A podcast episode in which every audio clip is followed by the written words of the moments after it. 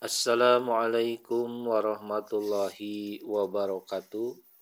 Hadirin dan hadirat yang berbahagia, pada deresan ini akan disampaikan eh, variabel semangat. Sebagaimana saya sampaikan bahwa di dalam mengejar kurub ilahi atau kenikmatan hakiki dengan dekat terhadap Allah Subhanahu wa taala ini ya perlu semangat. Jadi dalam mengejar apa pun yang kita cita-citakan, maka semangat ini tidak boleh ditinggalkan. Ya. Kalau kita tidak bersemangat di dalam hidup ini, maka kita tidak akan mendapat apa-apa.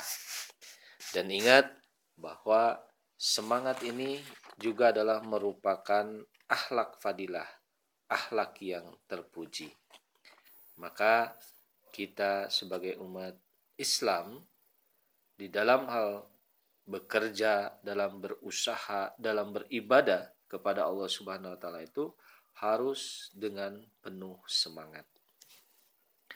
Allah Subhanahu wa taala berfirman di dalam surat At-Taubah ayat 41 A'udzubillahi minasyaitonirrajim wajahidu bi amwalikum wa anfusikum fi sabilillah yakni belanjakanlah harta benda kamu, jiwa kamu, dan diri kamu beserta segenap kemampuannya pada jalan Allah. Kemudian di dalam surat Al-Baqarah ayat 4, wa mimma rozaknahum yunfikun. Dan apa pun yang telah kami anugerahkan kepada kamu, berupa akal, ilmu, pemahaman, keahlian, dan sebagainya, kerahkanlah semuanya di jalan Allah Subhanahu wa taala. Maka dengan demikian Allah taala berfirman surat Al-Ankabut ayat 70, "Walladzina jahadu fina lanahdiyanahum subulana wa innallaha lama'al muhsinin." Orang-orang yang berusaha dengan segala cara pada jalan kami, kami selalu menunjukkan jalan kami kepada mereka. Nah, jadi berjuang atau bekerja keras, bersemangat di dalam mencapai cita-cita kita, maka itu adalah sangat diperlukan. Nah, sekarang bagaimana cara menimbulkan semangat itu? Untuk menimbulkan semangat itu ada minimal empat variabel.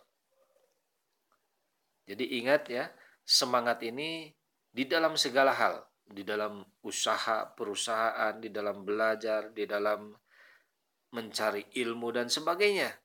Ya, di dalam setiap apa yang kita inginkan, apa yang kita kejar itu perlu semangat. Variabel yang pertama untuk menimbulkan semangat ini adalah kapabilitas. Jadi seseorang yang menginginkan sesuatu, mengejar sesuatu, memiliki kemampuan, tentu akan semangat. Ya. Seseorang harus memiliki kemampuan memandang hidup. Itu kan untuk semangat hidup. Gitu. Kemudian mampu mengenal kedudukan siapa kita, di mana kita. Mengenal nilai tujuan hidup, apa yang kita inginkan ke depan ini. Kemudian memiliki kemampuan menganalisa. Dan ini adalah butir-butir dari kesabaran menganalisa itu. Ya. Karena di dalam menempuh apa yang dicita-citakan itu tidak semuanya mulus, tidak semuanya lancar. Kadang-kadang ada batu sandungan, kadang-kadang ada halangan. Nah, kita di situ harus pandai menganalisa apa yang harus kita perbuat seterusnya. Ya. Kalau di depan itu ada penghalang atau kita mentok, apa yang harus kita lakukan berikutnya? Kita harus bisa banting setir. Kemudian mengukur diri. Jadi kita memiliki tujuan, mempunyai tujuan, mempunyai cita-cita. Nah, ukurlah diri kita, apakah kita ada di posisi itu? Apakah kita bisa mampu untuk mengejar itu? Atau apa kemampuan saya ini sebenarnya? Kemudian yang selanjutnya memahami lingkungan. Jadi ini juga sangat penting. Jadi kemampuan di sini inilah yang yang e, mendasar sekali. Jadi bagaimana kita bisa membaca keadaan semuanya. Nah, dengan adanya kemampuan itu, maka insya Allah akan timbul semangat. Kemudian yang kedua, punya kemampuan tanpa ada sarana, kita tidak akan semangatnya, tidak tidak akan full semangatnya, gitu ya. Nah, jadi yang kedua, variabel kedua untuk semangat ini adalah sarana, memiliki sarana. Jadi untuk memperlancar setiap tujuan hidup kita harus ada sarananya. Karena tanpa ada sarana akan sulit mencapai tujuan tersebut. Tentu sarana ini akan disesuaikan dengan apa yang sedang dan akan kita hadapi. Ya. Kemudian eh, variabel yang ketiga, peluang. Kita harus pandai dan peka terhadap situasi dan kondisi lingkungan agar setiap peluang itu tidak terlewatkan, terutama peluang-peluang yang memang sesuai dengan yang kita inginkan. Allah Subhanahu wa taala menjadikan bumi dan langit serta isinya adalah untuk manusia. Artinya ini adalah merupakan peluang dan sekaligus sarana. Kenapa disebut sarana? Jadi bumi ini adalah sebagai peluang untuk hidup kita. Allah Ta'ala sudah memberikan kemampuan tadi kepada diri kita, memberikan tenaga, memberikan akal pikiran, kita diberikan sehat, itu sudah merupakan uh, sarana dasar yang memang diberikan oleh Allah Subhanahu wa Ta'ala dari sifat kasih sayangnya. Hanya tinggal kita apakah mau mentafakuri itu semua, mau mempergunakan itu semua, atau kita akan termasuk orang-orang yang rugi seperti disyaratkan atau disebutkan di dalam surat Al-Asr ayat 2 sampai 4. Ya. A'udzu billahi minasyaitonir rajim. Bismillahirrahmanirrahim. Wal 'asr. Innal insana lafi husr. Illalladzina amanu wa amilus solihati wa tawasau bil haqqi wa tawasau bis sabri.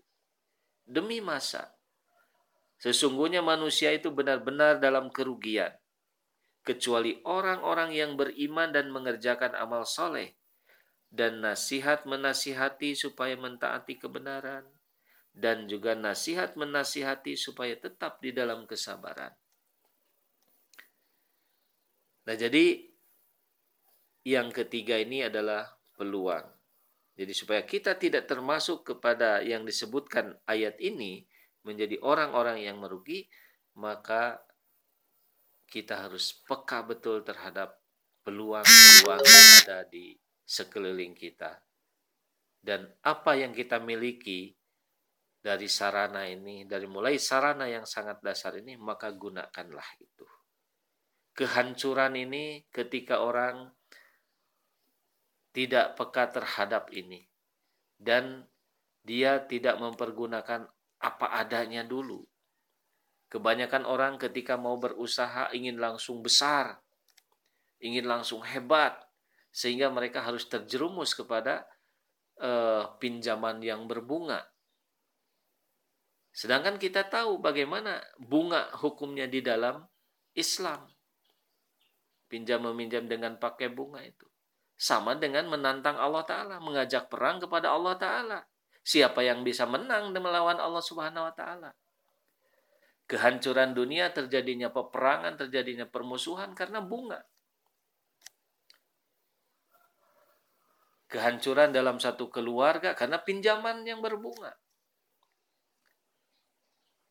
Nah, jadi ini harus diingat oleh kita semua bahwa bunga membungakan itu adalah mengajak perang dengan Allah Ta'ala. Akhirnya mereka akan jatuh. Nah ini yang harus dihindari oleh kita. Dan oleh hujur juga, oleh pimpinan kita di dalam jemaat Ahmadiyah ini, ini benar-benar dinasihatkan kepada kita semua. Bagaimana kita supaya melepaskan hal-hal yang seperti itu yang berurusan dengan bunga membungakan itu. Dengan berbagai macam alasan kalau saya tidak minjam begini, saya tidak akan punya modal, saya tidak punya usaha. Kenapa? Karena dia tidak mengukur kemampuannya tadi. Tidak mengukur kemampuan dirinya.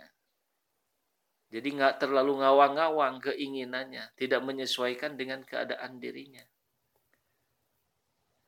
Ya. Jadi sampai kapan pun, sampai di mana pun nggak ada yang kaya karena bunga itu. Yang ada kaya dengan utang.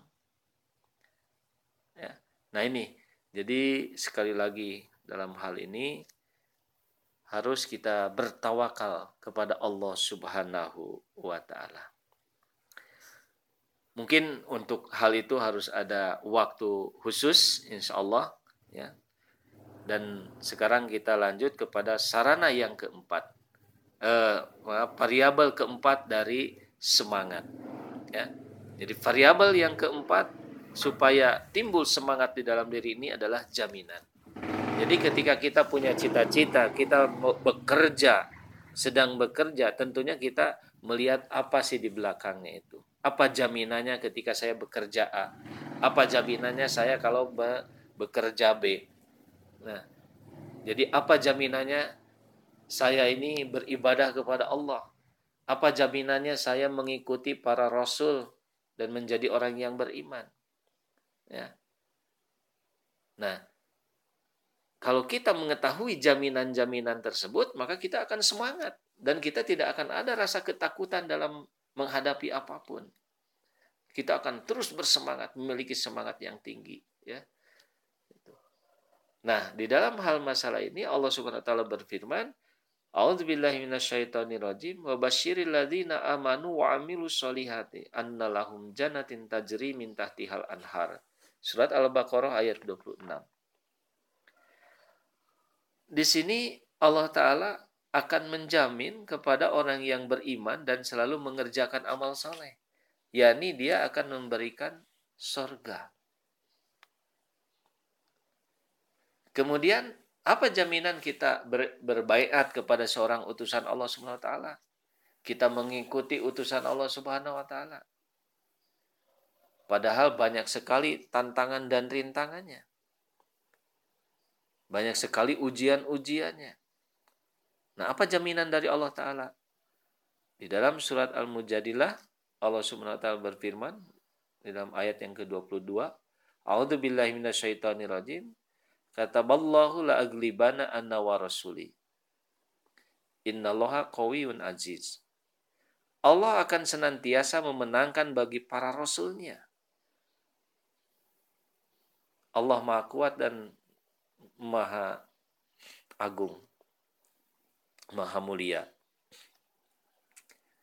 Jadi ini jaminan bagi para pengikut seorang rasul. Allah akan selalu memenangkannya. Kemudian di dalam surat Al-Mu'min juga Allah Ta'ala berfirman, surat uh, ayat ke-52, A'udzu billahi minasyaitonir Inna lanansuru rusulana waladina amanu fil hayati dunya wa yauma yaqumul ashad. Sesungguhnya tentu kami akan menolong para rasul kami dan orang-orang yang beriman di dalam kehidupan dunia dan pada hari ketika saksi-saksi akan berdiri. Jadi lengkap sesungguhnya hadirin yang berbahagia ya, jaminan dari Allah SWT kepada orang-orang yang mau beriman dan beribadah kepada Allah SWT mengerjakan amal-amal kebaikan ya.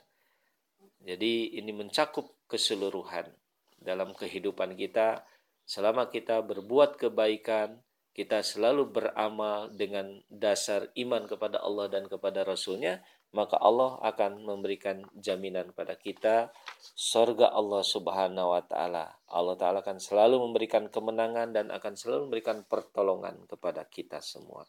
Inilah jaminan. Maka dengan adanya kapabilitas, sarana, peluang, dan jaminan ini, maka insya Allah kita akan menjadi orang yang selalu bersemangat di dalam berjuang di dunia ini. Mudah-mudahan Allah Subhanahu wa taala memberkati kita semua. Insya Allah besok atau lusa kita akan lanjutkan dengan pola-pola di dalam mencapai tujuan hidup yang sebenarnya ini. Wabillahi taufiq wal hidayah. Wassalamualaikum warahmatullahi wabarakatuh.